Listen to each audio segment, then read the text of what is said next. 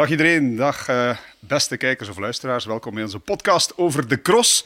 Ik kan bij deze bevestigen dat uh, Lambert aanwezig is. Uh, geldt dat ook voor Albert? Ik ben aanwezig vandaag, ja. Ik kan er tegen. Ja, in grote vorm op deze maandag, Niels?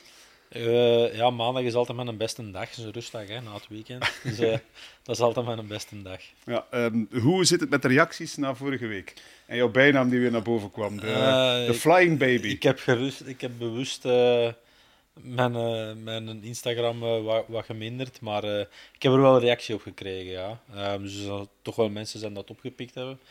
Maar ehm, ik zelf, ik heb aan het zoeken geweest achter een foto van met die fiets, maar ik heb hem niet direct gevonden. Um, maar misschien dat er nog wel eens ergens iets boven komt. En de fiets zelf, zou die nog bestaan? Um, ja, Paul miste wij te zeggen dat hij een had. Of via zijn, zijn kameraden toch, of via familie. Maar ik zelf heb er geen meer. Dus uh, waren er ook maar een stuk of twee, denk ik. Dus uh, het zou wel moeten lukken dat er ergens een boven komt. Wat is het? Gaat er ergens een bij zeggen? nee, nee, nee. We, we, blijven zoeken. Dus uh, als de mensen weten waar de fiets is, ja. waar er uh, met een sticker was het? Ja, op staat, ja, Flying Baby. Ja, okay. Maar um, heb je al nagedacht over, uh, over de prik die terugkomt? Want ja, dat, dat, kunnen we niet ongestraft laten hè, voor Paul. Nee, nee, nee maar ik, ben, ik heb al gezegd, Paul, mijn vraag zal zoet zijn. Um, en ik ben al... Ik heb hier en daar al iets gevonden, maar dat is voor de volgende. Paul moet erbij zijn. Ik wil zijn reactie zien als hem als ze me te horen krijgen. Bouw het een beetje op en probeer het, uh, ja. het hoogtepunt te bereiken met Paul erbij. We zijn zeer benieuwd. Um, twee weken geleden zaten we hier met Vermeers en Vermeers. Mhm. Dat waren, of dat zijn geen broers, dat, dat, waren gewoon toevallige naamgenoten. Vandaag doen we nog beter. Hè? Ja. Aarts en Aarts en het zijn twee broers. Ja, klopt. Uh, Toon en Thijs. Uh, zo een keer plezant om, uh, ja, om, om, broers te hebben. Um, zien een keer veel heb jij een broer? Ik heb een broer, ja, maar totaal niet geïnteresseerd in de koers. Uh, totaal iets anders. Dus, uh, maar hier, ja, hier kunnen ze ja, wie van de twee de beste is zeker. En uh, kunnen een beetje tegen elkaar uh, uitspelen. Zoals ik het de voorbije weken ook al een paar keer uh, gevraagd heb aan jou. Wat weet jij over de, de gasten van vandaag? Wat, wat, is jouw band bijvoorbeeld met de broers Aarts? is die er? Ik heb met geen een van de twee volgens mij gekoerst. Ehm, of toch samen gereden. Met mij sowieso niet. nee, nee, nee. Want ik, ik denk um, van Toon uh, van Thijs kan ik me herinneren dat een wereldkampioen wordt bij de junioren. Uh, hoger Heide, denk ik. Uh, en toen was ik, dat was 14, ja. hè? en dat was mijn laatste WK bij de profs. Dus ja, dan zullen we waarschijnlijk wel samen op hotel of zo gezeten hebben. Maar Weet je nog wat je gezegd hebt toen? nee, om geen idee. toen, uh, toen werd ik wereldkampioen en s'avonds zei je tegen me... Oh, maar dat is bij de juniors. Dat stelt niks voor. Oké. Aangename kennis maken. Ja, ja, dat was het eerste dat het tegen mij zei. Als het bij de juniors, dat stelt allemaal niet veel voor. ja, ja, uh, ja ik Was zal... jij niet de, de, de, man die in alle uh, categorieën wereldkampioen wilde worden? Uh, dus, ja, dat klopt. Dus dat, ehm, de waarde was toch relatief, ja. ja, de waarde op zich, natuurlijk, de waarde op zich bij de juniors is daar zeker. En, en je moet daar veel waarde aan, aan hechten. Maar uiteraard, ja, het, grote ding begint als je begint uh, beloften... Uh, en eens dat je die stap moet maken aan de beroeprenners, ik denk dat we het daar wel over eens zijn, denk ik, dat daar het, het echt begint. En wat dat je in je jeugd kunt bijrijden, dat is allemaal heel tof. Maar je hebt in je jeugd ook, ook jongens die wat voor zijn op hun leeftijd en die ook een stuk achterlopen nog. En dan zijn er jongens die op techniek een heel stuk kunnen goed maken, maar... Maar alleen van die gast, op dat moment, die is wereldkampioen. De, ja, zijn wereldkampioen. Ja, gezien is, is daar wel... Allee, dat is wel waar ook, hè. Allee, dat heb ik ook geleerd als ik belofte werd en, en, en prof, dat dat ook gewoon zo is. nee, dat is heel schoon, want je kunt ook op die moment kon ik niet meer gewonnen hebben dan wereldkampioen. Oké, ik kan crossen winnen, maar dat was het hoogste dat ik kon winnen. Tuurlijk. Maar ja, achteraf gezien, ja, de belofte, gelijk Eli wint bij de belofte als eerste jaar, ja, dat was staan eerst een stap hoger. En dat je bij de profs kunt worden, gelijk Niels zijn niveau toen had, ja, dat was nog pakken hoger. Dan stelt bij de juniors niet veel voor, maar ja, ik was het wel. Ja, nee, maar dat zal er toen zo bekken het gekomen hebben. Zo... een stressy avond. een stressy moment misschien, maar... Uh... Besef je dat we zijn nu bijna tien jaar verder dat dat een, een, een trauma geweest is hè, voor die jongen? Ja, ik denk niet dat hij dat wist. Ik, zal, ik zat erbij aan tafel toen je dat vertelde. Ik zal mijn woorden in het vervolgen wat meer pieken en wegen dan, maar ah, vaak is dat... Um, dat is nu misschien heel stom te zeggen, maar um, vaak is dat... Soms is dat de realiteit. En ik heb ook ploegleider geweest bij de jeugd, hè, dat ik bij vastgoed zat. En we zaten met die jonge mannetjes op een gegeven moment, ja, nieuwelingen en juniors, en je moest dan zo wat mee bezig zijn. En op een gegeven moment, die ouders, en uh, moesten met die ouders gaan babbelen voor ja, die jongen dan proberen hè, bij ons in de ploeg te krijgen. Ja, maar ja, en daar krijgen ze zoveel en ze krijgen een onkostenvergoeding en een flow en dit en dat. En op een gegeven moment krijgen ze ergens een vest en een broek meer. En dan gaan ze daarvoor naar een ander ploeg. En dan denk ik, ja jongens, alstublieft, zouden we eerst eens niet proberen van de goede prijs te rijden. En dan op een gegeven moment ja, worden die jongens dan 19, 20 jaar. En je zit daar met een pool van coureurs van 5, 6, 7 jonge gastjes. En dan moet jij tegen ene het leuke nieuws gaan melden van ja, kijk, jij mag blijven en, en jij kunt misschien prof worden. En tegen die andere vier moeten dan gaan zeggen, ja, je mag niet blijven, je pakt die jongens hun droom af. En je hebt, die ouders zijn dan vaak, die zijn die dan zo hard aan het ophemelen. Terwijl ik, als ik op het moment dat ik ploegleider was, heel, altijd heel streng was en heel sec en zeg van ja, kijk, wacht maar hè, tot ze belofte zijn, want ja, het is allemaal leuk en wel, maar je zijt er nog niet. Hè. Terwijl die ouders al dachten dat ze de nieuwe Mathieu van der Poel of Wout van Aert uh, in een mobiele hadden Het was dus eigenlijk met de beste bedoelingen dat je dacht. Het was met de beste bedoelingen, sorry uh, Thijs. Uh, Bij deze is dat uitgepraat? Dat is uitgepraat. Oké, ja. ja. Goed, maar toch blij dat je hier bent allebei. Um, wat is eigenlijk jullie eerste herinnering aan, aan Niels Albert? Want ik bedoel, jullie schelen een jaar of tien, zoiets? Ik heb het niet gecheckt. Hoeveel 37. Jij zei... Zeven jaar. Dan. Ja, ja, zeven jaar. Okay. Dus dat is een, ja. zeg maar een, een andere generatie al. Ja. ja, Niels was voor ons wel, dat wij jonge gasten waren, een van de mannen waar je naar op kijkt. Hè. 2K in hoogrijden dat hem dan won. Ja, met die Stevensfiets, dat zijn beelden dat, je, dat bij mij nog altijd wel ja, mijn Netflix staan gebrand, denk ik. Hè. Dat is hoogdagen voor ons als jonge gasten naar cross en WK te kijken en dan Niels dat dat wint. Op televisie of was je daar, ja? Uh, ik was daar niet, want wij gingen eigenlijk niet zo heel vaak naar de cross vroeger. Enkel de cross in de buurt, in Hoogstraden of zo, uh, ja, waar we dan ook de Niels zagen. En, uh, en, en ja, Sven en Bart Welles en al die mensen. Dat, dat, is voor mij zo de generatie net voordat ik erbij kwam. Hè. De, de, de crossers die had toen ja, populair en zot waren eigenlijk. Hè. Maar je hebt er nog tegen gecrossed wel? Ja, ja. In Ardooien weet ik nog goed. Dat was de eerste keer dat ik met de profs reed. Die grote uh, cross waar Paul Ergers ja, ja. sprak. Hè? ik weet niet wie er toen won. Het. Misschien een deel, dat weet ik niet. Maar uh, dat was de eerste keer dat ik, dat ik bij de profs reed. Heel dat park stond toen onder water. En na de start begon ik maar te lopen. En ik kon eigenlijk helemaal naar voren lopen. Alleen de Niels liep op kop toen. En ik had zoiets van, ja, ik kan wel voorbij, maar dat kan ik nou ook niet doen. Hè. De eerste keer bij de profs op kop. Uh, ja. Dan ben ik achter de Niels blijven lopen. En dan uiteindelijk uh, denk ik dat de Niels gewonnen is. Ah, ja, ik zeg het. Ik weet dat niet. Uh, ik heb dan een keer of drie, vier gewonnen zeker. Want dat kwam verleden week ter sprake dat ik daar een paar keer had gewonnen. Maar, maar moeten we naar Pol. Moeten we naar de Pol gaan met zijn Wikipedia. Maar ehm, ik zou het niet kunnen zeggen. Ik heb in Aardooien een paar keer. Maar ik denk dat op die moment heb de, kan ik dat beamen, denk ik. Als ik overkwam naar de profs, ik ben ook een keer tweede geweest achter de Sven in 2005, denk ik. Ik was toen eerstjaars, uh, eerstjaars belofte eigenlijk. Was cross in Niel. Uh, en ik heb daar zo lange koers op vijf seconden gehangen van de Sven. En dan, ja, achteraf denk ik, ja, dat was zo met het nodige respect nog zo. Uh, maar eigenlijk zouden we dan moeten op die moment al een stuk laten varen en je moet gewoon proberen je positie op te eisen. Maar ik snap dat wel dat je dan even zegt van, ja, ga ik nu precies toch nog niet doen. dus, uh, maar, maar, dat is uh, toch chic eigenlijk. Hè? Op die moment zijn ze nog zo wat voorzichtig. En, ja. want het is allemaal nog, je zit hier met de grote man aan het rijden. En dan zes, zeven jaar later zijn ze zelf een van de mannen op WK-podium zo staan. Dat je dat dan ziet, vond ik dat toch wel... Maar eigenlijk is dat goed, want ik zal nu zeggen, in de tijd als wij, je zult ook nog wel geweten hebben, wij gingen naar het WK dan bijvoorbeeld hoogrijden. Uh, en toen was er nog zo'n hiërarchie. En wat bedoel ik daarmee? We zaten allemaal, gingen allemaal bijvoorbeeld om zeven uur s'avonds eten. En het eten, wel in, het eten in de welgekende bakken zo. Hè? De, de, de, de bakken met de, bij Marieke zo. Hè? En dan, ik heb de periode geweten dat als ik ook junior was, maar ook als ik prof was, het eten kwam in die bakken aan, bij wijze van spreken. En de profs kregen eerst hun eten. Dus stonden eerst echt en de profs gingen eerst eten.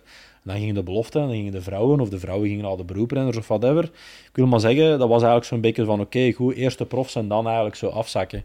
En ik heb een periode geweten, in mijn laatste jaren, dat dat respect gewoon eigenlijk weg was. En dat, dat die, die nieuwelings en die juniorkes eigenlijk, uh, met alle respect voor die gasten, daar al stonden te drummen. En ik zoiets van, ja man, sorry, maar je gaat toch nog bokens moeten eten. En ik vond dat zo, gelijk als jij zegt, dat respect voor die, mm voor die profs dan, vind ik wel dat dat een stuk verdwenen is. En tijdens de koers mag dat er, moet dat verdwenen zijn, want je moet proberen je plaats op te eisen. Maar als dat na de koers is, dan vind ik wel dat je daar in bepaalde, gelijk als kampioenschappen of zo, ja. of als je gezamenlijk op, op stage bent met een bond of zo, dat je daar toch nog enigszins moet naar opkijken en dat dat toch wel uh, nog iets anders is. Je begint toch wat ouder te worden, hè, Daniels? begint wat ouder te ja, maar dat is gewoon, dat is gewoon respect voor, voor, ja. allee, respect voor, voor, voor de mensen die, die het al bewezen hebben. En uiteindelijk zeg jij manneke van 15, 16 jaar en kun je misschien goed met de vloer rijden, maar je moet het wel bewijzen. Hè. Als je nu echt als jonge gast aan het doorbreken bent, dan, dan is het waarschijnlijk ook... Um, ja, het is een ontdekkingstocht. Terwijl alles wat je nu weet, of dat je weet op je 7, 8, 29ste, als je dat zou weten op je, op je 17, 18e, dan, dan doe je veel dingen anders waarschijnlijk. Hè? Ja. ja. nu leerde alles van, ja, van Niels bijvoorbeeld, wat de ploegleider was. Ja, daar leerde, stikte dingen van op. Dus dat je dan weet dat je echt jeugd bent, ja, dan, kun, dan zijn er misschien heel andere jongens die kunnen doorstromen naar beloften of zo. Maar niet alleen de, de technische kennis, maar ook eh, het lef, het vertrouwen, uh, de durf om, om dingen te doen en je, en je gewoon maar dat te groeit, smijten. Dat groeit een beetje met je prestaties ook zeker. Ja, uh, ja ik zeg, ik was vroeger ook helemaal niet geen hoogvlieger of zo, maar je wordt beter en beter en beter. En op een gegeven moment, ja, dan is het wel met de schouwers in, in de koers werken. Hè, dus. Maar in het begin denk ik dat dat, dat, ook moet groeien. Hè, het is een leerproces. Zeg, Toon, hoe is het met jou? Ça va, ça va ik voel mijn eigen uh, stilletjes aan terug renner worden. En uh, dat is wel een fijn gevoel. Um, je voelt je renner worden, terwijl de situatie, spreek meteen, niet veel anders is, zeker op dit moment. Hoe, hoe zit dat nee, dan ja, ja, de situatie, de hoop die er nog was tot, uh, tot in augustus ergens, die is toen, ja, toen is het laatste sprenkeltje ook gesprongen, om zo maar te zeggen. En dan is de uitspraak geweest van, van een straf van twee jaar. Dus op dat moment nog een dik half jaar te gaan. Nu ondertussen nog drieënhalve maand. Maar uh, onlangs met een nieuwe trainer terug begonnen, de krachttrainingen terug opgestart. Eigenlijk bezig terug zoals een prof is. Het uh, trainen is terug uh, het belangrijkste van de dag geworden. En dat is wel een gevoel dat ik een beetje gemist had. Ja. Staat die scherp, Niels? Puur op het zicht? Puur op het zicht wel, ja. Maar ik weet niet hoe ver dat je inderdaad... Allee, dat ga jij weten, maar het is heel moeilijk om te zeggen, zo gewoon puur met een trui en een broek aan, van ja, staan ik dan nog 2, 3, 4 kilo boven. Uh, bij mij kunnen dat zien, maar dan zijn er een kilo of 10, 15 zwaarder. Maar, dat is de keuze van de trui ook. Hè, het is al de keuze van de trui, dus uh, ik ga volgende week ook in mijn tiret aan doen. uh, maar ja, nee, zo op zich te zien wel. Um, Gewicht maar... zit wel goed, maar morgen heb ik inspanningstest, dus dan gaan we de cijfers zien wat echt... Wat we komen eigenlijk een dag te vroeg. Ja, op dat vlak misschien wel, maar inspanningstest is ook om, om trainingsschema's op te baseren. is geen koers op zich, hè. die volgt pas februari. Misschien weet jij het beter, Thijs. Hoe is het met, met je broer?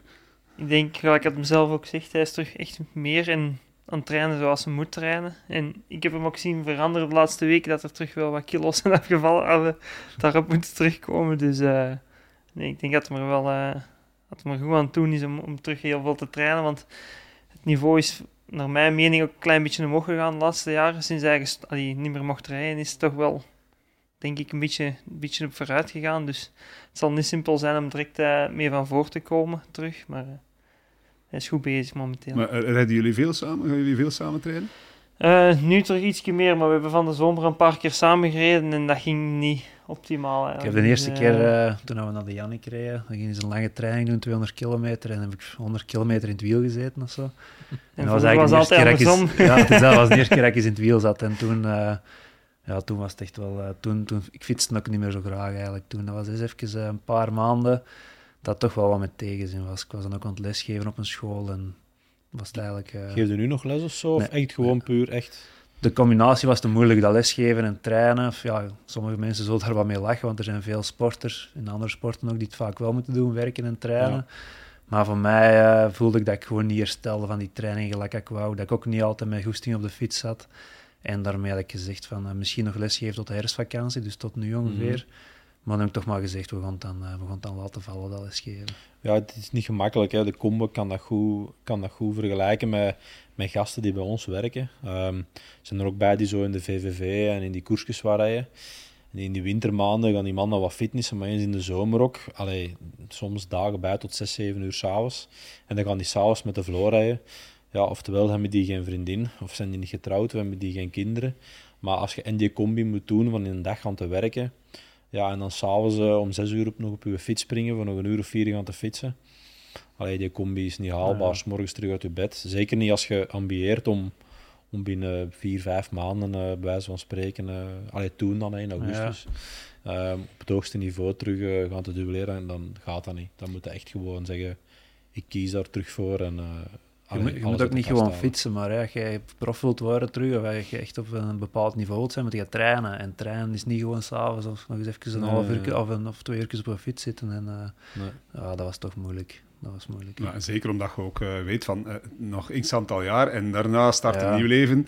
Uh, als je nog een tweede carrière wil hebben, dan is het, is het wel aan, aan 100% dat je ervoor moet leven. Het is kan geen jaren hebben om er terug in te komen. Hè. Gelijk als je als jonge prof begint, kun je eerstejaars neoprof, tweede jaar al wat beter en het derde jaar moeten goed zijn, om het zo te zeggen. Maar nu moet het, het eerste jaar moet ik, die drie crossen kunnen zeggen nog wat erin komen. Maar ja, ik wil die ook al goed presteren, dus uh, geen tijd te verliezen. Staan, staan die genoteerd zo uh, op een kalender ergens in het huis? Ja, dus Sarah had sowieso uitgeteld hoeveel dagen dat nog was. Ik denk, ik denk nu dat er nog 113 of zoiets zal zijn, denk ik. Dus, uh... Richting, wat is het? Ik heb het genoteerd. Sint-Niklaas zeker? Ja, ja, 17 februari Sint-Niklaas. Dus spannend. Ik denk dat dat op zich wel iets, iets dat, dat moet lukken. Allee, klinkt nu misschien minachtend, maar je gaat op het einde van het seizoen komen, velen die al wat gekoerst hebben.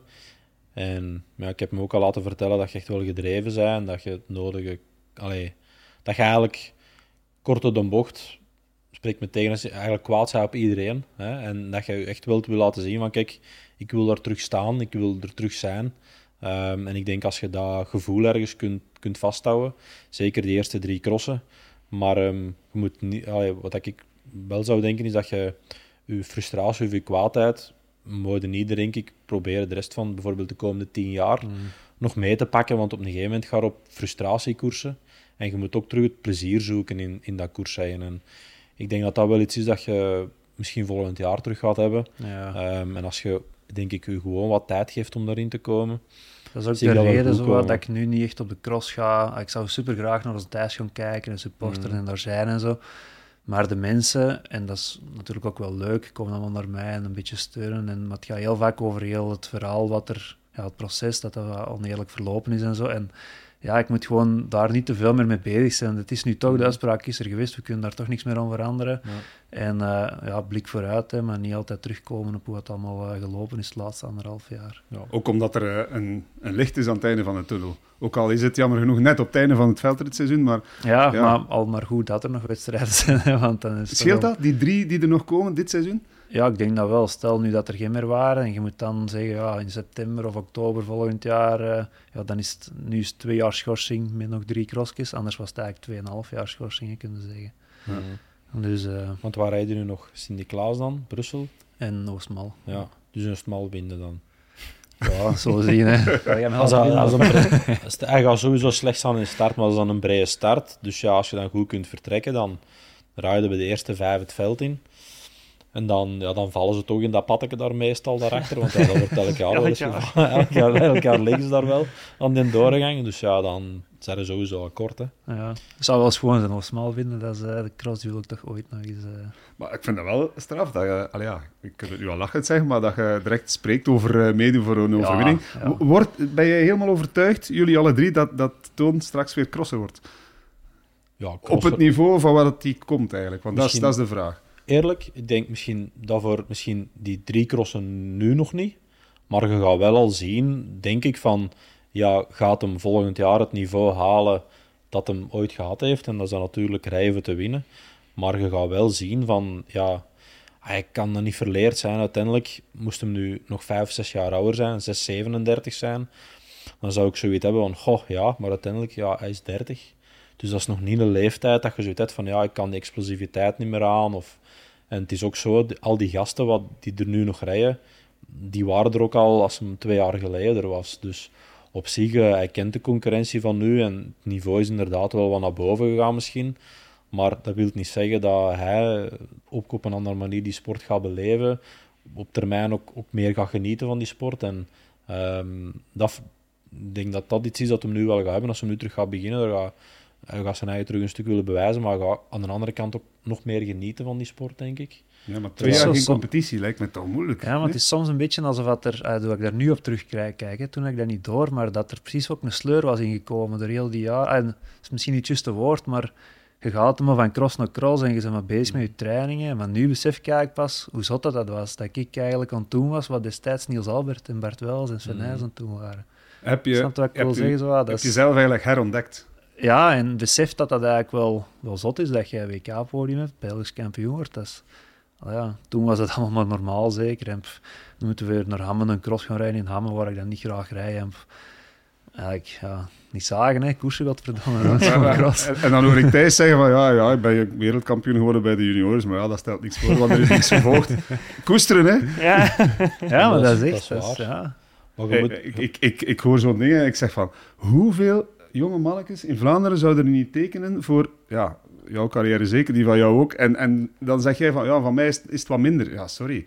Je bent, ja, maar ik je denk bent dat heel veel, dat is toch iets om te veel renners beseffen dat volgens mij niet. En ik heb dat nu wel eens van een andere kant gezien, dat je elke za- zaterdag en zondag thuis voor tv zit te kijken. Ja, dan, je wilt daar terug tussen rijden. Hè? Maar op het moment dat je daar tussen rijdt, de vorige jaren dan, had ik dat misschien niet echt door, hoe zot dat eigenlijk allemaal is dat je daar geraakt bent. En eh, ik denk dat dat ook wel een motivatie is voor de toekomst voor mij, om te zeggen, kom aan, hè, die eh, vijf, zes, zeven jaar dat er nog komen, gas erop, want... Het zou fenomenaal zijn. Als je volgend jaar weer meedoet om te winnen, dan denk ik dat, dat iedereen eh petje Ja. het is Ja. ook, we hebben dan al een, een heel jaar gekoerst en echt al afgezien. Allee, de meesten zullen echt al afgezien hebben en kijken uit naar het einde. En hij kijkt eigenlijk uit naar het begin. Mhm. Dus dat gaat een heel ander gevoel zijn waar hij mee aan de start staat dan waar wij mee aan de start staan. Ja, en wat deden wij vroeger altijd de laatste twee weken van het seizoen? Alleen nog maar in bos, in het bos rijden en koffie gaan drinken. En ja. dat was niet meer Ja, trainen. die maar, eh, denken dan zo wat aan uitbollen en, en jij zit echt vol goesting om, om aan te Ja. beginnen. En ik denk wel dat dat een stuk, eh, stuk ergens in uw voordeel kan, kan spelen, maar allee, ik zou me ook niet blind staren van ja, Nee. kijk, als ik nu eh, drie keer en niet in de eerste vijf rij, ja, dan, eh, dan ga ik me eigen slecht voelen. Ik, ik zou vooral die koers inderdaad gebruiken om, om te zien waar ik sta. En volgend jaar is eigenlijk een goede zomer en, en allee, ik denk dat dat belangrijk is. Dat Je je, kunt, kunt even goed een lekker band hebben hè, in de eerste ronde en dan is, Ja. eh, dan is er alleen kans weg. Ja, maar de, Ja. de reden dat iedereen in de zomer wegwedstrijden doet en een heel voorbereiding in de zomer om goed te zijn in de cross, ja, ik ga die voorbereiding niet kunnen doen gelijk dat andere renners het doen. Dus stel dat ik niet eens drie crossen win, ja, dat zou ook niet logisch zijn dan. Hè. Dus ja. druk en, en prestaties en zo we zien wel, maar eh, een paar puntjes pakken richting volgend jaar weer al een beetje dichter staan aan de start. En dan... eh ik wist er nog naar Sven van Toorn uitgestuurd. Volgend jaar zit ik terug in uw selectie, man. Dus, eh, Oké. Hè? Antwoord? Ja, hij stuurde zelf een berichtje en zei, ja, ik ben hier bezig met Pontchâteau en je flitst die hele tijd door mijn hoofd, omdat eh, ja, hij was toen ploegleider bij ons in de ploeg, niet van nog geen bondscoach. En ik won dan in eh Pontchâteau het EK. En ik weet nog perfect waar dat toen stond. En hij zei, ja, ik ben be- bezig met de selecties en met alles voor te bereiden. En eh, ik moet constant aan u denken sturen. Dus het is wel eigenlijk wel leuk als je dan zo'n berichtje krijgt. Ja, ik denk dat er veel mensen eh, daaraan gedacht hebben deze week. Hè. Er zijn er veel bezig in, in de cross met ADK. Het is al zeven jaar geleden, ik schrok ervan. Ja, dat is zot, hè. Ik was toen tweedejaars prof, dus dat is, eh, ja, ik ben zeven jaar prof geweest. Ondertussen een jaar schorsing, maar ja, zeven jaar, ja. Toen begon het voor mij al een beetje. Huh? Wat, wat herinner jij je nog van die dag? Dat je eh, Europees kampioen werd? Dat was nog maar, wat was het? Je derde profzege zeker? Eh, ja, ja, mijn derde, ja. Ehm, ik had toen tax van tevoren ook al heel goede benen. Samen met Timo Kielig, denk ik, van het parcours naar huis gereden. En die mannen hebben met twee jonge gasten, juniors, voor 30 kilometer in mijn wiel gezeten. En dat les zelfs moeten zeggen van, ja, rijd maar door. Want ja, ik was klaar voor die koers toen. En ja, denk, daarna was het ook de Koppenberg, redelijk kort na dat EK. En dat was ook, ook supergoed. Dus dat was zo'n periode dat ik echt eh stieren uit de grond reed. En een beetje geluk had in de koers. Van, eh, de rivaliteit tussen Wout en Mathieu, maar dat dwingde ook af door aan te gaan op het moment dat iedereen aan het blok zit. Hè. Dus, eh, Dus iets om, om eigenlijk uit te hangen, zo, hè. De, de, de, de uitslag van die, van, die, van die wedstrijd, van dat EK. ja, dat is wel een vier of te zijn. Trentin heeft ook eens op de weg dan gewonnen met Mathieu en, en de Wout ernaast. EK ook. Dus ja, we hebben twee dezelfde foto's thuis hangen. Eh, Was jij er ook in Pontchâteau, Thijs? Eh, ik was niet op die koers. Ik, heb wel, ik, heb, ik had toen zaterdag gereden bij de belofte. En eh, wij waren al onderweg naar huis en we zaten op de luchthaven. En hij valt aan en ik zeg tegen die mannen... Als een wint, dan trakteer ik. Dus ja, ik heb moeten trakteren. Oh, met veel plezier natuurlijk. Met veel Want plezier dat was was dat toen een, ja, een grote verrassing, toch? Hè? Ja. 2016. Jawel, jawel. Ja, het, het kon er maar twee winnen. Hè. Wout of Mathieu gingen de koers winnen. En eh, ja, de ene ging ook de ander niet laten winnen. En dat was mijn geluk dan uiteindelijk. Zeg, ik las vandaag, eh Sven Nijs, die zei van het, eh, het EK en de Koppenbergcross, die vier dagen voor het EK wordt gereden, nu woensdag, dat is, dat is eigenlijk evenveel waard. Om maar te zeggen van, uh, ja, die Koppenberg-cross, moet je die skippen voor het EK? Nee, want dat is, dat is dezelfde waarde. Zie je dat, Niels? Ik vind dat niet. Ehm, de Koppenberg is zeker een klassieker. Maar in die end is een titel een trui. En allee, in, allee, wat ik eigenlijk altijd vind en wat dat ze van mij onthouden, dat is, als ik hier aan die twee gasten vraag, wat weet jij van mijn carrière? Die gaan hoogrijden en kokzijden noemen en die gaan zeggen, dat was een goeie in zijn tijd. Maar als ik aan hun vraag, heb ik op de Koppenberg, hoe dikwijls heb ik daar gewonnen? Ja, ik weet het nou wel. Oh ja, maar ja, ik bedoel, allee, als je het opzoekt, dan weet het. Maar ik weet bijvoorbeeld dat de Sven twee keer wereldkampioen geworden is een keer of tien kampioen België zeker. Ik kan nu niet zeggen hoeveel keer is de Wout op de Koppenberg gewonnen. Is dat één keer? Is dat vier keer? Ja. maar die wereldtitels, dat weten wel. Die kampioen België-titels, dat weten wel. Die eindklassementen in de wereldbeker, zo dat, dat weten wel. Maar zo, goh, ja, ik heb ik ook crossen gewonnen, uh, dat ik zeg van, oh ja, heb ik daar gewonnen, uh, zo dat. Um, de Koppenberg is natuurlijk iets speciaal, um, dat is een klassieker. Maar dan nu te vergelijken met een titel, allee, ik zou toch liever uh, in Pontchâteau Europees kampioen winnen uh, worden dan de Koppenberg te winnen, bijvoorbeeld. Allee, is mijn gedachte. Maar... Misschien dat je s'avonds na die wedstrijd, als je de Koppenberg wint of de EK wint, allebei een kei goed gevoel hebt en een kei chique prestatie hebt gehad. Maar van het EK kun je wel heel het jaar verst nog mm. genieten. Hè. Je rijdt met die trui rond.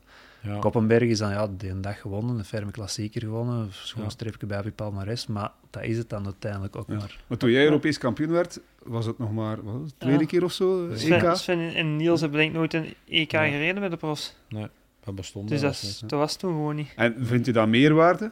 Want ja, je zou kunnen zeggen, eigenlijk is hetzelfde peloton. Oké, er zijn andere namen, maar voor de, voor de prijzen als op een, EK, of een WK eigenlijk. Misschien voor de Belgen, maar goed dat er een EK is. Want uiteindelijk is het heel moeilijk om Belgisch kampioen te worden met de Wout erbij. Wereldkampioen nog moeilijker met Mathieu er ook nog eens bij. Dus dan is het toch mooi dat een klassieke crosser, om zo te zeggen, ook wel een trui kan pakken misschien. Ja, ja absoluut. Allee, dat, datzelfde verhaal. Hè. We hebben dat, dat EK, dat is nu een jaar of zeven, acht dat dat georganiseerd wordt, denk ik. Um, maar datzelfde, hè, gaat het dan op een gegeven moment zeggen dat de wereldtitel van Vermeers uh, in de gravel dat dat niks waard is dan, want dat was een eerste keer. En ja, toen was er ook nog niet zoveel starters. En, ja, nee, ik, vind, ik vind, het heeft allemaal waarde, maar het is wel een feit. uh, het feit dat er al 100 jaar bijvoorbeeld een, een kampioenschap is, ja, de, de, de historische waarde bepaalt ook iets. Maar dat is waar. Ik, ik, ik, ben wel ervan overtuigd dat er plaats is voor dat een Dat is waar, maar die, die Europese titel, dus wat dat gezegd, dat kunnen een heel jaar mee rondrijden. En, en allee, in de gewone crossen zullen we zeggen, dat een klassementscross is of geen, geen trui aan vasthangt. Je bent maar zo goed als de laatste koers. Dus als ik nu morgen op de Koppenberg win en de week erachter is het Gaveren, dan kan ik in Gaveren vierdes worden en dan ben ik terug slecht. Want ik heb Gaveren niet gewonnen, maar ze zijn allemaal wel vergeten dat ik de week ervoor iedereen op twee minuten gereden heb op de Koppenberg. Dus, en die een Europese titel, ja, dan heb je gewoon in gaver na als je vierde zei. Ja, dus, en iedereen ziet het, ja. Dat blijft wel. Dus ik vind dat op zich dat wel de meerwaarde. Dus, Zeker als er een jonge gast dat kan winnen, zoals bij mij toen was. Ik was tweedejaarsprof, Europees kampioen. Ja, de deuren gaan wel even wel open. Dan het contract wordt uh, binnen de maand opengebroken. Nu startgelden gaan omhoog. We krijgen aanzien, supporters dat erbij komen. Ja dat is wel, uh, zeker voor jonge gasten, een kans die ze moeten grijpen weer al zondag. Thibaut uh, piekt ernaar, hè, dat heeft hij toch gezegd. Ja. Maar als ik, als ik dan uh, nieuws hoor, dan, dan was hij gisteren wel heel slecht en kan hem het ineens niet meer. Want dat is dan de redenering die soms gemaakt ah. wordt, zo kort door de bocht. Hè. Voilà, maar... Wat maar zo is het niet. Gisteren bijvoorbeeld, als ik gisteren op de cross aan het kijken was, en inderdaad, een Thibaut kan, kan een minder een dag gehad hebben, en dat zal ook wel zo geweest zijn. Maar hij valt dan ehm, in de laatste halve ronde. En als hem dan gewoon gewoon rap zijn fiets terugpakt en zijn kop gewoon nog twee minuten niet laat hangen, dan wordt hem nog altijd derde of vierde. En nu laat hem eigenlijk zijn kop hangen, dan wordt hem zevende.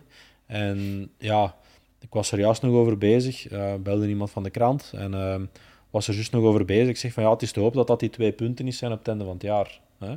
Want dan zou dat wel heel lullig zijn, dat je daardoor dat klassement verliest. En dan kwam het op een gegeven moment ter sprake, ja, wie gaat klassement allemaal rijden? Lars van der Raa rijdt het niet compleet. Michael van Toornhout is al afgestapt, geen punten. Um, Laurens Week niet, uh, niet geweest. Zeg, als een Thibaut nu ook heel de wereldbeker niet rijdt, dat is nog niet bevestigd officieel. Ja, dat is een Eli alleen winnaar. Hè. Moet eigenlijk al niet meer rijden, hè, want ja, het gaat de enige zijn die alle crossen gaat rijden, voorlopig. Mm Dus ja. ja. en ik weet niet hoe momenteel het puntensysteem is. Dat veranderd ten opzichte van vorig jaar? Ik denk dat hetzelfde is. Ja, dat is tien punten verschil naar een tweede, vijf punten naar een derde. En dan altijd maar een puntje. Dus, nee, twee. Ja, of twee. Of zo, maar het, is, het is de puntentelling en dan met zoveel wedstrijden is eigenlijk uh, misschien niet ideaal en zo. Dus. Ja, goed, de, dat klassement dat zien we dan de komende weken wel. Maar um, de cross van gisteren, wat, uh, of van dit weekend, want er zijn er twee geweest. Hè. Thijs, je hebt zaterdag gereden in Ruddervoorde, zeker? Ja. Um, ja, afgezien. Misschien daar beginnen. wat, wat, wat, voor cross was dat? Dat was eigenlijk heel speciaal. Omdat dan te regen gevallen is, was het eigenlijk toch met momenten heel droog. Ook omdat ja, de zon begon te schijnen, net voor of tijdens de wedstrijd. En dan die wind dat daarop stond.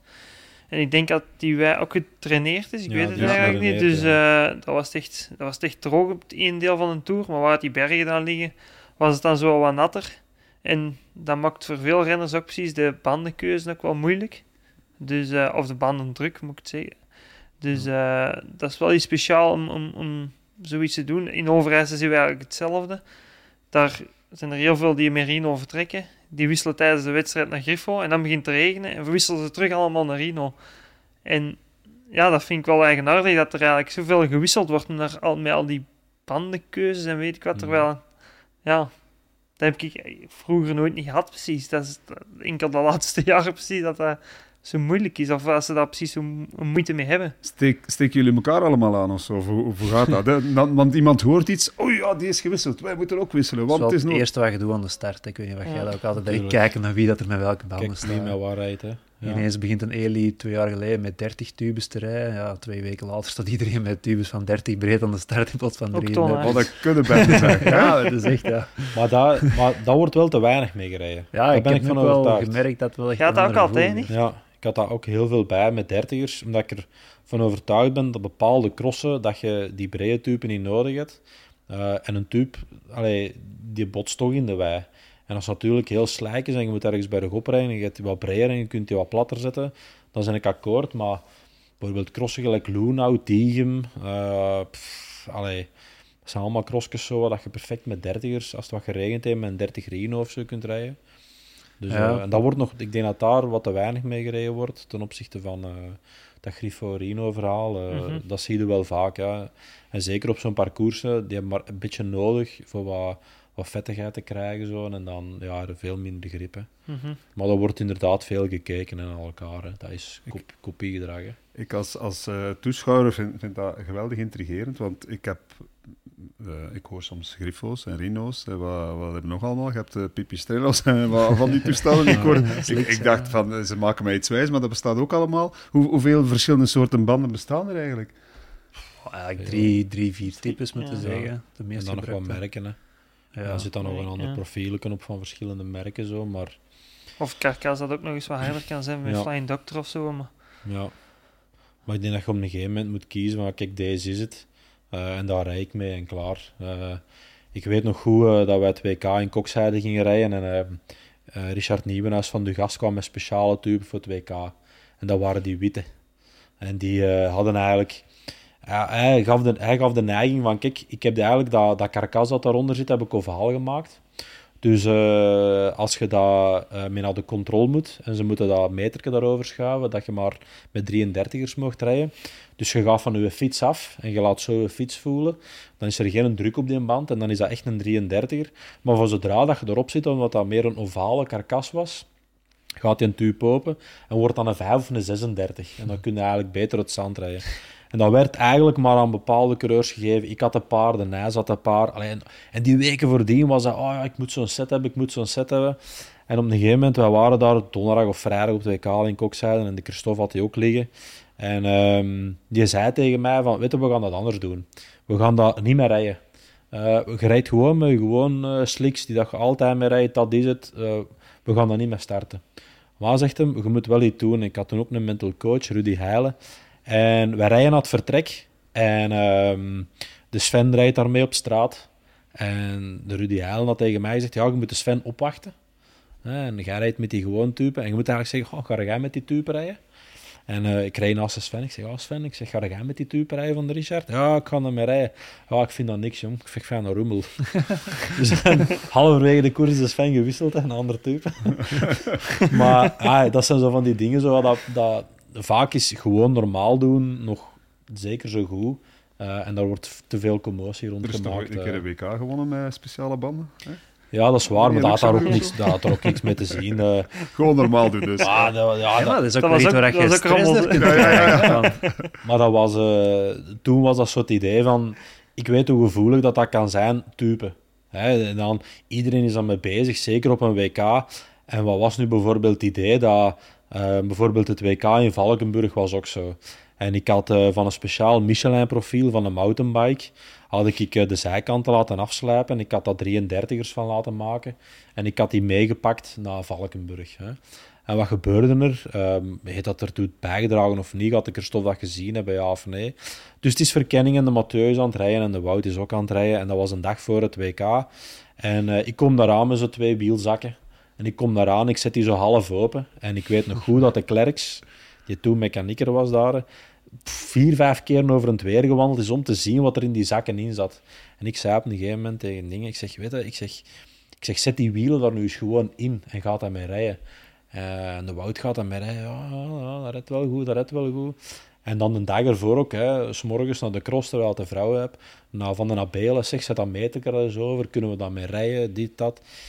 En dat is allemaal geweten toen. Heeft de Wouter mee gereden? Nee, die met die type niet gereden. Maar gewoon het idee van, wat hadden die bij? En die, op een gegeven moment zijn die niet meer bezig met hun eigen.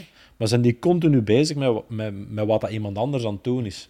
En dat is zo psychologisch allemaal. Dat is belachelijk als het groot is, maar je dat, dat is chic, dat zijn chique verhaal. Dat je dat niet zo ja, natuurlijk. Geslagen, uh, en vooral, je moet dat eens proberen uit te leggen aan de buitenwereld. Die zeggen van, die zijn allemaal gek aan het worden. ja, maar dat is gewoon ook gek als je daarover nadenkt. Dat je eigenlijk een psychologisch spelletje aan het spelen bent en de andere kant weten dan die hun eigen zo zot maken van wat hebben die pijn, wat hebben die laten maken en dat kan toch niet en dit en dat. Alsof uh, dat je voor elk kampioenschap het water nog eens opnieuw gaat uitvinden. Nee, dat, dat gaat zo lijkt het wel voor elk kampioenschap. Elk WK komt er wel ergens een verhaal naar boven. Wat jij weer eens bakolie op zijn fiets Ja, dat was in Valkenburg. Hè. Dat was in Valkenburg, hè. dus dat was echt zo slijk en dat plakte. En we hadden niet beter gevonden dan, dan in zo'n winkeltje beneden. En uh, dat kwam toen van die mannen van SRAM. En um, gewoon die fiets aan de onderkant zo insmeren met een soort, ja, ja wat was dat, van Dr. Oetker zo, van die, van die, van die, van die olie zo. Hè? En dat was inderdaad, dat helpt wel een beetje, maar dat is totaal niet het, het dingen uh, van, van, uh, van, van de winst, maar gewoon het idee dat je daarmee bezig waart zo. En, dus ja, voor elk uh, WK of kampioenschap verzinnen wel iets. Ja. Gaat het niet over banden, over kledij, over ja, de fiets? En eigenlijk speelt dat allemaal geen rol. Maar je zei als, als coureur daar zo mee bezig. En wat zijn die anderen aan doen? Dat je daar zo in opgaat, dat je vergeet van met je koers bezig te zijn en dat je meer bezig zijn met andere dingen die totaal niet En toon, daarvoor worden ze dan niet geschorst, hè? Inderdaad, met zijn ovale banden. Ja, ja, ja. Ik heb ooit gehoord, je mocht maximum 33 rijden, zeker. En toen meet ze dat nog niet. Maar was 34 nog in een 34 Dan liet ze daar 34 op stempelen en het was een 36. Tuurlijk, zo. dat hebben we allemaal gedaan. En dat is allemaal oké, hè. Maar, ja, was maar toen was dat... Weet je, dat zo... Ja, toen waren er ook minder controles inderdaad op dat materiaal. Hè. Als je nu gewoon ziet dat dat geëvolueerd is en dat is gewoon de evolutie van de sport geweest dat we meegemaakt hebben, maar goed ook, denk ik. Um, maar inderdaad, ja, ik ik weet in een tijd, bij de, bij de, toen dat wij bij de aspirantjes de nieuwelingen rijden, mochten we ook maar, ik zal zeggen, 52-16 rijden of 52-14. En waren er daarbij die van Holland kwamen en die hadden dan een 53er en dat, dat, dat plateauke eruit geveild en dat terug met een stempel 52 ingeklopt en die rijden met een 53 als voorblad. Mm. Maar dat was toen allemaal zoiets, ja, dat gaat nu allemaal niet meer, dat wordt allemaal gemeten, maar ja, er is wel wat uitgestoken in een tijd, ja. Maar de goede komen toch altijd bovendrijven. Dat is gelijk ja. uh, dingen, jongen. Uh, olie en talent, dat komt altijd boven. Oké, okay. punt gemaakt. Um, maar jij wordt weer crosser dus toen. Uh, misschien nog even naar de, naar de zomer, want Thijs, je zegt zelf van... Ik, ik heb de, de tofste zomer in jaren gehad. Ik kon, ik kon mijn broer eraf rijden. Ik kon eindelijk eens ja. hem pijn doen in plaats van altijd andersom geweest te zijn. Ja. maar dat ging hem ook niet, niet snel meer mee. Nou, die een training daar... Je bent niet veel thuis geweest. Nee, ik ben niet veel thuis geweest, nee. Dus, uh... Maar plezier in hebben, zeker? Goh, nee. echt, en nog Plezant vinden ze, echt ja. extra schipje erbij Ja. Van onder in die beugel en maar blijven rijden. ja. Veel minder samen geweest ook dan de voorbije jaren dan. Ja, we hebben wel wat minder getraind. Ja, we hebben ook altijd samen in de ploeg gereden, hè, dus heel de weg. We hebben eigenlijk altijd vroeger alles samen gedaan. Hè. Als je de ene zegt, zeg je de andere. Allee sowieso jaren geweest, maar in hetzelfde team, dezelfde koersen, zelf, Alles, alles was hetzelfde. Samen krachttraining, alles. En nu hebben we eigenlijk alle twee onze eigen weg een beetje... Bij de masseur wisselden wij af van tafel. We kwam maar... de ene de eerste en dat was, wij, wij zagen elkaar daar en... Proper handdoekjes kennen. kan nog wel. Soms.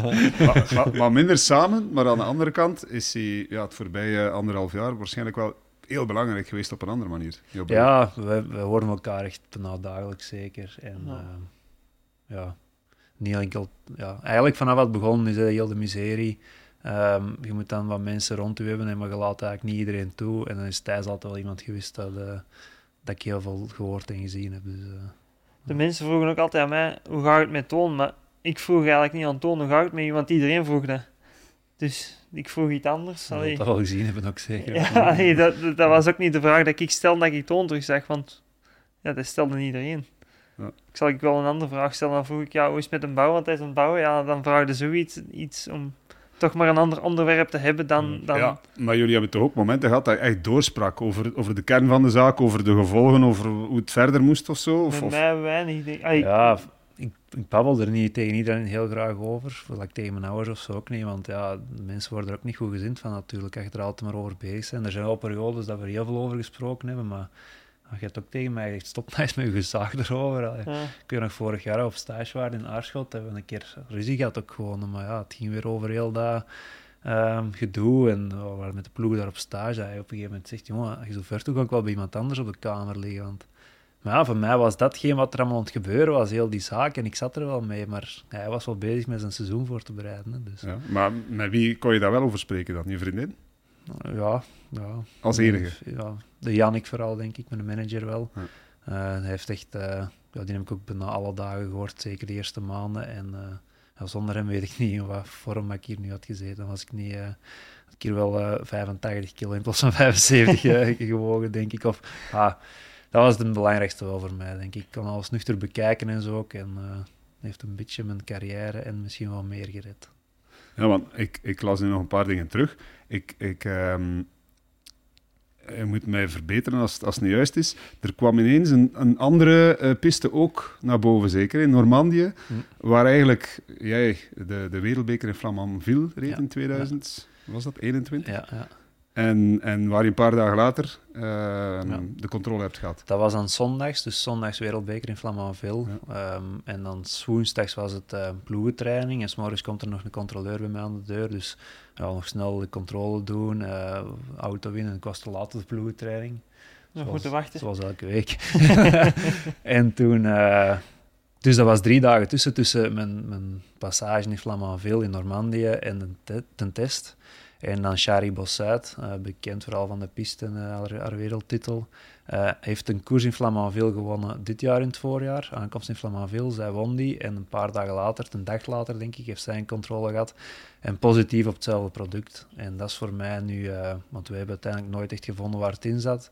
Dus voor mij ligt, ligt het daar. Maar het is, te toevallig om, om toeval te zijn. Dat is de piste die jullie. Uh, in mijn ogen is dat te toevallig, inderdaad. Maar ze zat niet in hetzelfde hotel, toch? Hè? Nee, nee, ze zat in een ander hotel wel, maar ja, het is wel dezelfde streek en dezelfde producten dat er zullen geserveerd worden. Uh, weet jij nog wat je daar gegeten hebt? Ja, hetzelfde als andere dagen, dus oké. maar ja, mensen zeggen dan ga naar daar en gaat daar een bus melk en een bus uh, of een, een, doos eieren kopen en dan gaat dat allemaal testen. Maar ja, zo simpel is het allemaal ook niet. Hè. Dus, uh, want dan waren er wel meer positieve gevallen. Dus, ja. ja het hele raar aan dat verhaal is, inderdaad, spreekt me tegen als het niet juist is, dat, dat op een gegeven moment een UCI zegt van ja, kijk, we weten eigenlijk dat je het niet bewust gedaan hebt. Maar ja, bewijs het dan maar hoe dat in je, in uw lichaam komt. Maar als je het moet bewijzen hoe dat in je lichaam dan zou verzeild geraakt zijn, maar je hebt het niet bewust gedaan, ja, hoe gaat dat dan bewijzen? Dus dat is eigenlijk een zin dat zijn twee zinnen die elkaar gewoon... oh ja, ja, maar dat... had, ik, had ik nu ooit op een of andere schunnige website producten besteld, waarvan je zegt, oh, die, die een hersteldrank is hier zoveel goedkoper, ik zal dat wel rap bestellen. Ja, dan had ik mm. nu iets gehad om te zeggen, stoemrik, je zei wat doen nu, maar ik heb er nooit geen risico's in gepakt of nooit mee bezig geweest. Altijd gewoon professioneel geweest, gedaan wat ik moest doen. En ineens valt dat in een nek, zonder dat je dat ziet aankomen.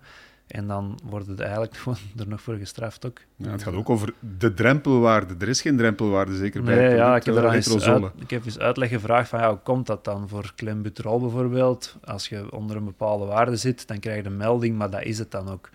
en dan zei ze van ja, dat is een product dat je ook in de dagen voor een competitie kunt gebruiken. En daarmee moeten we op een wedstrijd dat je bijvoorbeeld het minste nog kunnen vinden. Ehm, maar ja, in mijn haar was te zien dat er nooit niet veel is binnengekomen. Dus dan moeten ze ook niet. Ah ja, dan is Ik had gehoopt dat ze gewoon die haarstalen konden gebruiken als bron, omdat daar duidelijk in was dat het een vervuiling was geweest ooit. En zij wouden echt gewoon dat ik met het pakje of met het ei of met de bus melk naar daar kom. Hm. Hier is het ding, kijk maar na. En maar dat is niet We hadden nogthans graag dat lang haar nog gezien, hè? Nee, nee, Ik denk, oproep aan alle mensen van de krant, gebruik die foto's alsjeblieft niet meer. ja, stel je voor, nou, zo een jaar en een half later nu, al een jaar en negen maanden, we zijn nu nog altijd niet afgedaan ik weet niet, ja, dan we barkrukken moeten hebben. We Je was klaar geweest van Sint-Niklaas. Ja, ja, ja, dat is bekend zeker. Vlechtje erin en opgaan. nee, nee. Twee maten groter van Helen. ja. Nee, dat was echt... Dat is, eigenlijk verschrikkelijk kijk die foto's terugzien van toen. Ook uh, de persconferentie dat ik dan uh, het eind van het jaar had gegeven, voor, eind vorig jaar die trui die heb ik weggegooid ook, omdat ik hier en daar zie je die foto's eens terugkomen van toen. En ik zag die altijd in de kast liggen en ik, ik wou die niet meer aan. Dat, daar zit echt zo'n uh, een emotioneel uh, verbindenis aan waar ik niks meer uh, van wil weten. Ja. Achteraf bekeken is het misschien goed dat het letterlijk en figuurlijk doorgeknipt is. En dat het voor een stuk ook een, een nieuwe start geweest is. Dat voelde ik zo toen wat van. ik had dan nog een tweede keer haarstaal laten onderzoeken met wat mensen uit de familie ook, om te zien of er daar misschien ergens iets te vinden was. Um, dat was dan gebeurd en dan daarna naar de kapper geweest, direct een dag daarna. En dat was echt alsof ze even alles, alle stress wegknipte. Maar dan begon het opnieuw. Wachten, wachten, wachten. Miserie, miserie. En, ja. Dus toen is het een paar maanden beter gegaan. En, en blijkbaar was je toen, ja, zoals je dat juist ook zei, gewoon klaar om in competitie te stappen. En dan is het weer uh, ja, ja, een moeilijke periode eigenlijk al. De moeilijke periode was eigenlijk toen wel dat dat, dat eerste voorstel kwam rond het eind van, uh, van het vorig jaar. Uh, toen was wel een moeilijke periode. Van de zomer was dan even een moeilijke periode met de, met de, met de echte uitspraak. Maar eigenlijk tussen uh, februari vorig jaar en het eerste voorstel was het eigenlijk altijd wel oké. Als ze toen belden, had ik bij wijze van spreken Sander next kunnen crossen. Ik zeg niet om te winnen, maar toch wel om uh, schoon prestaties te halen. Hm. Wat was jouw laatste cross die je gereden hebt? Brussel. Brussel, ja. Brussel. Dus dat was 2000. Ik voel het al aankomen. uh, Oké. Brussel 2021, gevallen in de start. Ja. Oké. Maar wel het eindklassement nog gewonnen met meer dan vijf minuten voor, dus ik had tijd om rustig binnen te rijden. X2O-trofee. Ja, ja, ja. ja X2O-trofee. Ja. Dus het eindklassement was binnen. Ja. En jouw broer was ook in de top 10. ja, ik was, uh, ja, hij was dan gevallen en ik zat redelijk vooraan nog. En, uh, dat was een van de twee crossen dat ik hem in mijn carrière ben voor geweest. Dat was daar in Brussel. Maar zoals ik aan Niels er net zei, de laatste cross blijft bij. Dus ja, momenteel ben ik beter als Tone. voilà, dat is de moraal van het verhaal momenteel. Dus ik moet ja, wel terugkomen. Ja, ja, ja. Anders is dat de rest van jouw leven. Ja. ja. Nee, dat is waar, maar dat is inderdaad... Uh, ik denk dat dat vooral uitkijken is naar... Sowieso, ik denk dat je er ook wel van kunt genieten als je broer terug begint. Um, maar het is gelijk als gezegd, die laatste cross, dat wordt altijd onthouden. Um, maar ja, je kunt in Brussel alles ook direct goed maken. Dat gaat je tweede koers zijn, dus ja. ja, ja. Dat zou van de drie zijn dat het beste ligt. en hoeveel is de, de, de verhouding? Want uh, op, uh, op die sites kan je dat zien, hè? Ja, ik had twee keer Toon voor geweest en hij iets van een 169, 170. Ja, doe niet toe dan. er is een duidelijk verschil. Het is verschil. Ja. ja. Wat was die andere cross? Uh, Jaar was dat?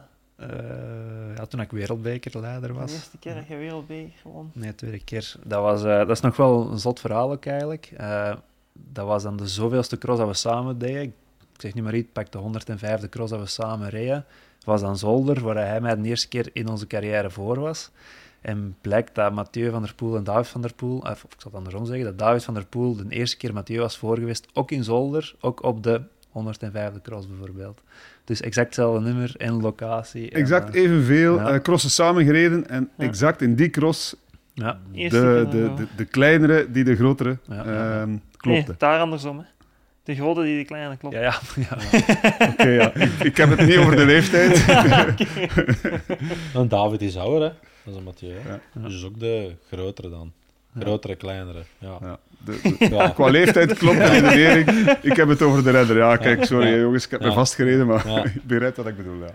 ja, maar ik denk dat, dat dat zijn statistieken, denk ik. Dat is leuk om bij te houden, maar uiteindelijk is de essentie van het verhaal van ja, ik, allee, ik wil koersen, ik wil terug, terug daar staan, ik wil terug daar gelijk gaan koersen. En ik denk dat je, als je morgen terug gelijk op de baan kunt, uh, dat dat alleen maar is plezant voor beide, denk ik. En dat je die passie terug samen kunt delen. En dan zie je wel waar dat, dat uh, naartoe gaat, denk ik, in de jaren die nog uh, die moeten komen. Hetzelfde geld, allee, uh, het is een moeilijke naam om met te spreken, maar we hebben het er verleden week nog over gehad. Met, ehm, zeg het eens, met de Gerben. Hè?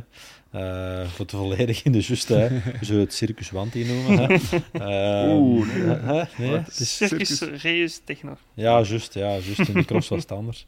Maar um, allee, ik denk dat die ambitie er moet zijn om terug samen te kunnen koersen. En al dan niet in dezelfde ploeg, maar... Uh, ja, hoe zit dat eigenlijk? Heb je al een ploeg om, om nee, te, crossen? We zijn daar nu druk mee bezig eigenlijk. Dus uh, ik hoop binnen dit en een aantal weken wel uh, ergens mijn kribbel te kunnen zetten en, en het dan ook bekend te maken. Want dat gaat voor mij wel een leuk moment zijn om eens een keer met zoiets in het nieuws te komen. Is dat omdat het uh, gewoon nog niet aan de orde was? Of, of, duurt het gewoon lang om een, om een akkoord te hebben? Want het is wel duidelijk dat je, dat je weer gaat crossen. Ja, er zijn wel wat geïnteresseerde ploegen natuurlijk. Maar iedereen moet in een ploeg ook mee willen. En sponsors zijn degene die het geld aanbrengen. En om het zo te zeggen, zijn er vaak wat buitenlandse sponsors die me, mij niet kennen van mijn verleden. Die me ook niet kennen, of die ook niet goed weten hoe het heel het onderzoek gegaan is, hoe heel het proces gegaan is die soms nu zoiets hebben van houden misschien ons handen daar beter af, of die me eerst terug een jaar willen zien rijden en dan eventueel overwegen om mij erbij te pakken. Dat maakt het niet gemakkelijk en is ook helemaal geen leuk nieuws om te horen, maar ik heb nu wel een paar uh, ja, positievere gesprekken uh, gehad en uh, ik hoop op het beste en ik denk wel dat het goed gaat komen. Dus er is, ja, hoe erg dat ook klinkt, wel een stempel op, op jou ja, gekomen. Een beetje wel, maar dat voel ik niet hier in de regio of in België, Vlaanderen, het eh, crossland om zo te zeggen. Het zijn echt wel uh, soms de Amerikaanse bedrijven of zo die. Uh, ja, die Constructeurs. En, en wie Stone Aarzaam, zo dat hier even intikken op, uh, op Google en die komen dan natuurlijk vooral die artikels tegen. En daar is ook niet in de kranten of op de media altijd geschreven gelijk het hier geschreven is en gelijk het werkelijk gegaan is. Um, dus daarmee is dat soms een moeilijke zaak. Maar ik heb er ook nog geen gehad die zeggen we willen het absoluut niet. Het is vooral dat ze zoiets hebben van uh, als het echt moet, of als het zo is, dan is het zo. Maar we zijn geen vragende partij direct. Ja, maar uh, je hebt altijd met je broer gereden, dus dan rij je toch straks weer in de ploeg van je broer. Heb je niet met een, wat is het? Ik ga, ik ga het merk maar noemen, Cube gereden vorige winter, of, of klopt dat niet? Nog altijd zelfs. Nog altijd, dus wat, is het water zo diep daar? Ja, alles moet kloppen natuurlijk. Hè. ik wil ook niet gewoon voor een trui en een broekje gaan koersen. Alles moet een beetje mee zijn. En uh, ja, we zullen zien. Het gaat ergens wel in orde komen. En er zijn nu nog een paar uh, plekken waar het open ligt. En we zullen zien. Ik hoop, ik hoop binnen dit en een week of drie wel uh, alles rond hebben. Hoe moet je dat aanpakken, Niels? Want ja, hij wordt weer renner. Waar, waar komt hij terecht? Hoe doe jij dat als je, als je Of als je aan de andere kant staat? Ja, ik, ik denk, moest ik uh, vanuit mijn standpunt, moest ik nu morgen manager zijn van een ploeg, dan zou ik um, het op een zodanige manier aanpakken van kijk, alles goed, ik geloof er wel in. Maar we gaan dat wel met mijn opbouwend, mijn opbouwend barema werken, bij van spreken. Dus je, ja, je gaat nu de komende, komende jaren aan een bepaalde, bepaalde prijs rijden. Maar inderdaad, als je prijs rijdt of je begint te besteden, dan breken we het open. Dat staat ook duidelijk vermeld. Zo en zo en zo. Um, maar voor direct te zeggen van, kijk dan van in mijn standpunt, moest ik uh, morgen manager zijn en zeggen, ja, je vraagt bijvoorbeeld, ik zal een bedrag zeggen, 400.000 euro, zou ik zeggen, ja, Toon, sorry, maar ik zou toch wel graag eerst hebben dat je eerst presteert. En zeg jij volgend jaar terug top 2, top 3 en, en win jij regelmatig een koers, ja, wil ik dat met alle plezier betalen, maar van dag zou ik dat ook nooit niet... Allee, dat is, dat is logisch ergens, je zet er twee jaar tussenuit geweest en dat gaat los van die stempel. Hè, dat, dat, want ik, daar wil ik zelfs niet over babbelen. Ik denk dat je dat moet vergeten en dat is klaar. Maar dat gaat los van, oké, hoe, hoe is hem nu? Hij is twee jaar uiteindelijk geen competitie gehad. Je kunt wel goed zijn, je kunt scherp staan, maar ja, ga de, ga de terug die koersen winnen. Hè? Dus, en ik denk dat dat ook is dat, dat, ook iets dat je gaat moeten, denk ik, op een gegeven moment een stuk gaan aanvaarden. Je gaat een stuk je prijs krijgen, maar het zal misschien niet zijn wat dat je hoopte. Maar dan zou ik dat wel in vermelden. Ja, maar kijk, als ik binnen een half jaar dat wil presteren, ja, dan wil ik wel mijn contract openbreken. En bijvragen. Denk ik dat, dat logisch is. Dat is ook een goede motivatie uiteindelijk. Dat is... Ja, aan motivatie geen gebrek, maar stel, ja, ja, dat je is rijdt daar op een gegeven moment en je ziet er ja. nog in rijden en dat gaat we prijzen, dan ja, dat met een tandje bij. Ik vind dat altijd een goede motivatie. Het is heel gemakkelijk om tegen een keur te zeggen, hier ze de komende drie jaar ga je dat verdienen. En, maar ik zou bijvoorbeeld altijd een opbouwend jaar, met opbouwend werken. Ja, als je morgen iemand hebt die graag de 300 per jaar verdient, zou ik beginnen aan, aan, aan 2,25, 2,50 en dan 2,75. Dat je over drie jaar tijd wel je 300, je, 300 bij zo'n spreken verdient hebt, hè, ik zeg maar iets. Maar dat je, maar dat je wel opbouwend gewerkt hebt. En dat je, ja, is goed, je mocht van mij de 300 verdienen, of 3,25, whatever. Maar dan moet je wel voor presteren. Niet zomaar gewoon, hier is dat, allee, dat is dat, dat, dat En dat dat besefte pas als je aan de andere kant staat. Dat dat echt wel heel veel geld is. We zitten hier precies midden in contract onder andere. Nee, nee, nee. prijzen worden hier zomaar, er wordt hier met cijfers. Dat zijn schoon bedragen, denk ik. Ja, teken je, kunt, ja. uh, dat, gaat, dat gaat hem wel vertekenen, ja. denk ik. Uh, maar, nee, maar het klopt wel wat hij zegt. Het is, het is niet gemakkelijk en er gaan mensen zijn die twijfels hebben. En ik zal zelf ook, heb ik ook af en toe wel eens een twijfel, hè, van ja, gaat dat allemaal nog wel lukken en zo. Maar ja, ik kan er gewoon alles voor doen en dan zien we wel waar het schip strandt uiteindelijk. Hè. Ga je stress hebben als je weer uh, de eerste keer aan de start staat? Nog geen beetje. ook gewoon hè, de, de cross op zich, hè, stress voor de, de wedstrijd, maar ook gewoon terug aanwezig zijn op die cross. Hè, heel die dag, mensen die al langs de kant staan. Ik ben wel eens benieuwd wat het gaat geven. Er gaan maar een paar cameraploegen komen, denk ik. Ja. niet veel zijn. nee, ja. ja, er gaan rond te doen zijn. Hè. Ja. Zo simpel is het. En dat is, dat is iets dat er dan nog bij komt. En ja, tot nu toe is eigenlijk alles al wel vrij positief geweest en zo. En ik denk dat dat ook wel zal blijven. Ik ben altijd eerlijk geweest over alles.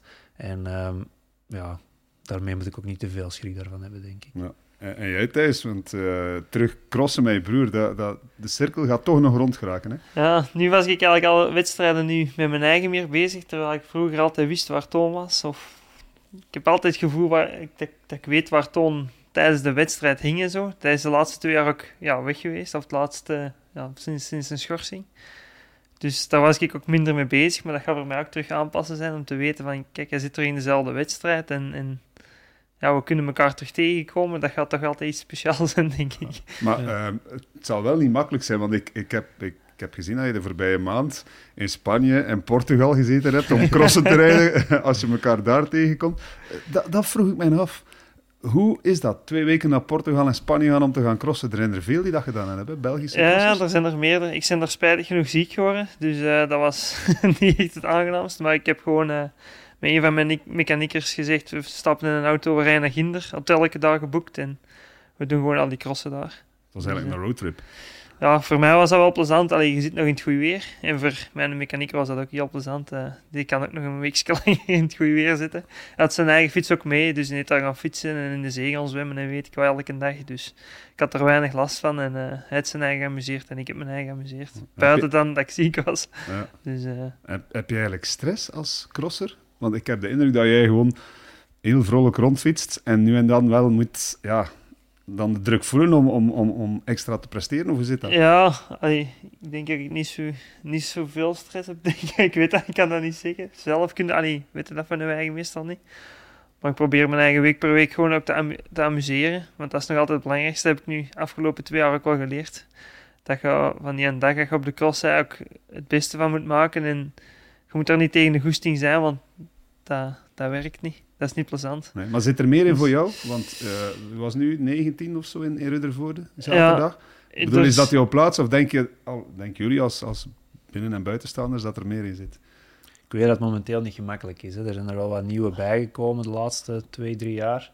Maar ik weet wel dat hij zeker beter moet kunnen dan dat. Dus uh, het zijn vaak de details. Als ik hem dan zie starten en dan gaat daar naar 15 meter zitten. En al de rest was een ramp zeker, hè, de start? Ja, dan denk ik ook, kom ja, aan. ging er niet veel niet meer achter. Jullie vallen goed op, hè, want dat, dat, dat geel, dat, valt echt op. Ik had jou meteen gezien, ik dacht van, ai, dat is, ja, een goede start. Hè. Ja, ik ben een beetje... ik heb de laatste jaren wel eens aan het sukkelen geweest en ik ben proberen terug de stap voorwaarts aan het zetten, maar dat is niet, uh, niet altijd gemakkelijk. Maar uh, ik heb binnen de ploeg nu wel goede ondersteuning uh, van Bart. Die is ook heel positief. Die was zelfs na, naar Ruttevoorde positiever dan ik had verwacht dat ik aan de camper ging aankomen. Dus uh, dat ik wel goed bezig ben. Maar dat de uitslag nog niet is wat moet zijn, maar dat dat wel op komst is. Dus uh, ik hoop dat dat effectief ook zo, zo gaat zijn. Dus, uh. Ik denk een beetje wachten op het weer. Dat, lekker het nu is, slecht weer, koud. Dat moet een beetje verder zetten en dan kom, uh, komt het wel naar boven, denk ik. Dat van, altijd, van nature net heb ik ook, ben ik ook wel iemand die iets later op het seizoen wat beter wordt richting kerstperiode, die kampioenschappen. Dat is meestal zo wel mijn periode. Dus ik hoop dat ik dan nu een klein beetje, misschien november, december al kan, uh, kan aan beginnen, aan die uh, stap voorwaarts. Dus uh, ik hoop komende weken echt wel de stap terug richting top 15, top 10 misschien wel te zetten. Maar dat kun je natuurlijk ook niet, niet, niet op bestelling. Dus ja, is een beetje... werk van maken, anders krijgt hij nog gelijk. Hè. In 2000 was het, 14. Nee, maar... Ik zeg niks meer. zeg nog iets, want het, het EK komt er dus aan. Ehm, woensdag is er de Koppenberg het voorbije weekend, ja, bon, ehm, er is van alles gebeurd. Lars van der Aar heeft gewonnen uh, in Maasmechelen. Moeten we nog iets onthouden van het voorbije weekend? Of uh, gaan we er nu heel kort door, omdat we maar enkele minuten tijd meer hebben? Ik was eigenlijk aan het denken, in het begin van de wedstrijd, ik zeg Michael, uh, die rijdt hier nou, dat gaat het favoriet zijn in Pontchâteau. Ik heb gehoord dat de balken misschien iets dichter bij de aankomst gaan liggen. Ja, er is niemand dat zo springt als Michael. Hè. Dus ik dacht dat is een favoriet, maar ja, dat sloeg wel om na een half uur koers. Wat zou er aan de hand zijn? Want dat, dat zagen we niet meteen aankomen. Hè? Die, die leek precies in een, in een stijgende curve te zitten. Ja. Vorige week tweede in Overijse was al bemoedigend, toch? Ja, ja. maar ja, hij wordt daar ja, tweede door een stuk... Uh, hij pakt de koers samen met een, met een Nelly dan in handen, maar het was dan ook een stuk omdat de koers nooit echt opengebroken is geweest door uh, die achtervolgende groep. Hij heeft dan eigenlijk moeten volgen met het Thibaut in het wiel. Hij heeft dan eigenlijk niet echt iets moeten doen in de achtervolging, juist wachten.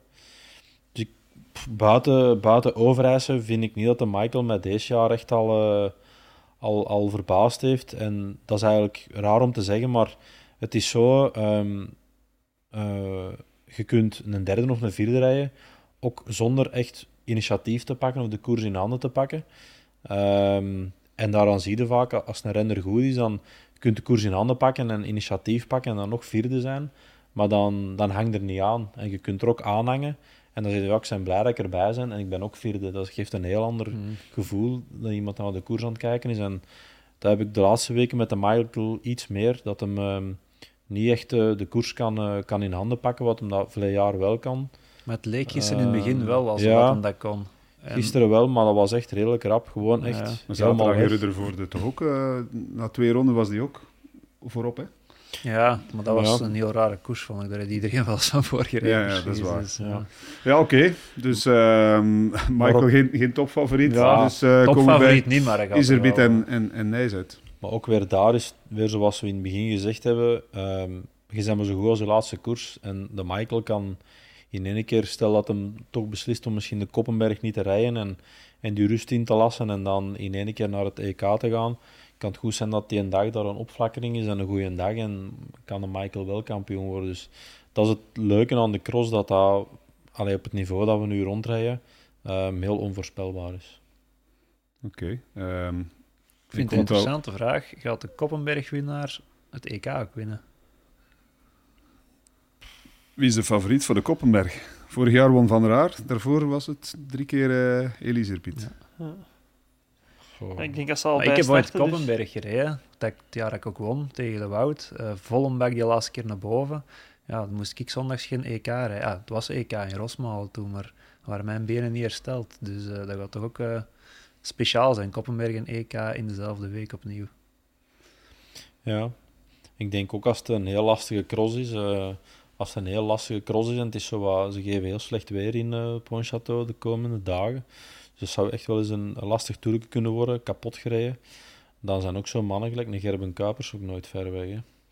Dus dat zou van die man die passen allemaal voor de Koppenberg. Dus is dat dan voldoende om te winnen, dat weet ik niet. Maar allee, die zou ik bijvoorbeeld wel op het podium zetten. Als je, als je denkt van ik heb ergens een kans, ik moet iets speciaal doen, we hebben het er net over gehad, dan is, is dat misschien wel een optie om, om dat dan toch te laten schieten, ook al is het een klassieker. Maar als je zondag niet wint, ja, kan er maar één klassement kwijt. Voilà. Ik zou nooit de Koppenberg laten schieten voor de EK. Ik zou misschien wel de laatste ronde zien. Waar hang ik hier op de Koppenberg? Want het is zondag EK. Maar dat doet iedereen mee wat hij wil. Bij de vrouwen is er geen uh, Alvarado op de Koppenberg. Maar, uh, maar wel Van Empel zeker. Ja, daar zijn we het over eens, denk ik. Dus uh, Koppenberg of geen Koppenberg is ook de favoriete voor, voor zondag, zeker. Ja. Van dat zal dezelfde winnares normaal wel moeten zijn, denk ik. Goed. Um, wie wordt er Europees kampioen? Lars van der Haar. Gerbe Kuipers. Gerbe Kuipers, ja, dat, is, dat blijft binnen de ploeg. Hè. Dat, is, dat is een andere optie. Hij is er fan van.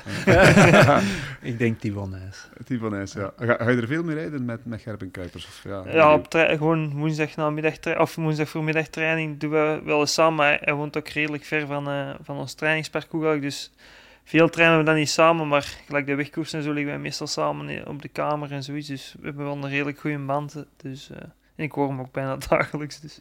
Ja, je hebt hem eh, figuurlijk zien groeien de voorbije jaren. Ja, we hebben heel wat dagen door, samen doorgebracht. En uh, als je dan zo op stage zijn eh, in Frankrijk in de Vogezen deze jaar, dat is wel uh, indrukwekkend dat je hem ziet, ziet klimmen hoe rap dat hij, uh, dat hij berg op kan rijden. Dat is niet normaal.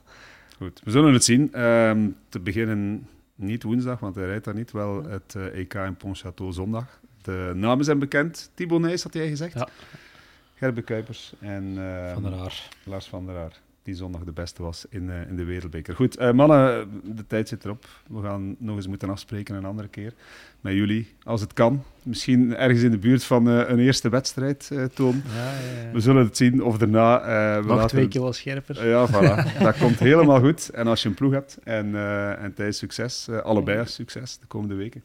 En Niels, wij spreken volgende week af, zeker? Goed, na het EK absoluut. Dan hebben we iets om, uh, om na te praten. Alhoewel, maar ik merk altijd dat we de maandag weinig over de cross van het voorbije praten, weekend praten. We praten weinig over de koers, maar dat is vaak omdat je gewoon interessante gasten hebt. Um, en je kunt babbelen over van alles en nog wat. En de koers is inderdaad een stuk, uh, is geen bijzaak, maar uh, iedereen weet wel wat er in het weekend gebeurd is.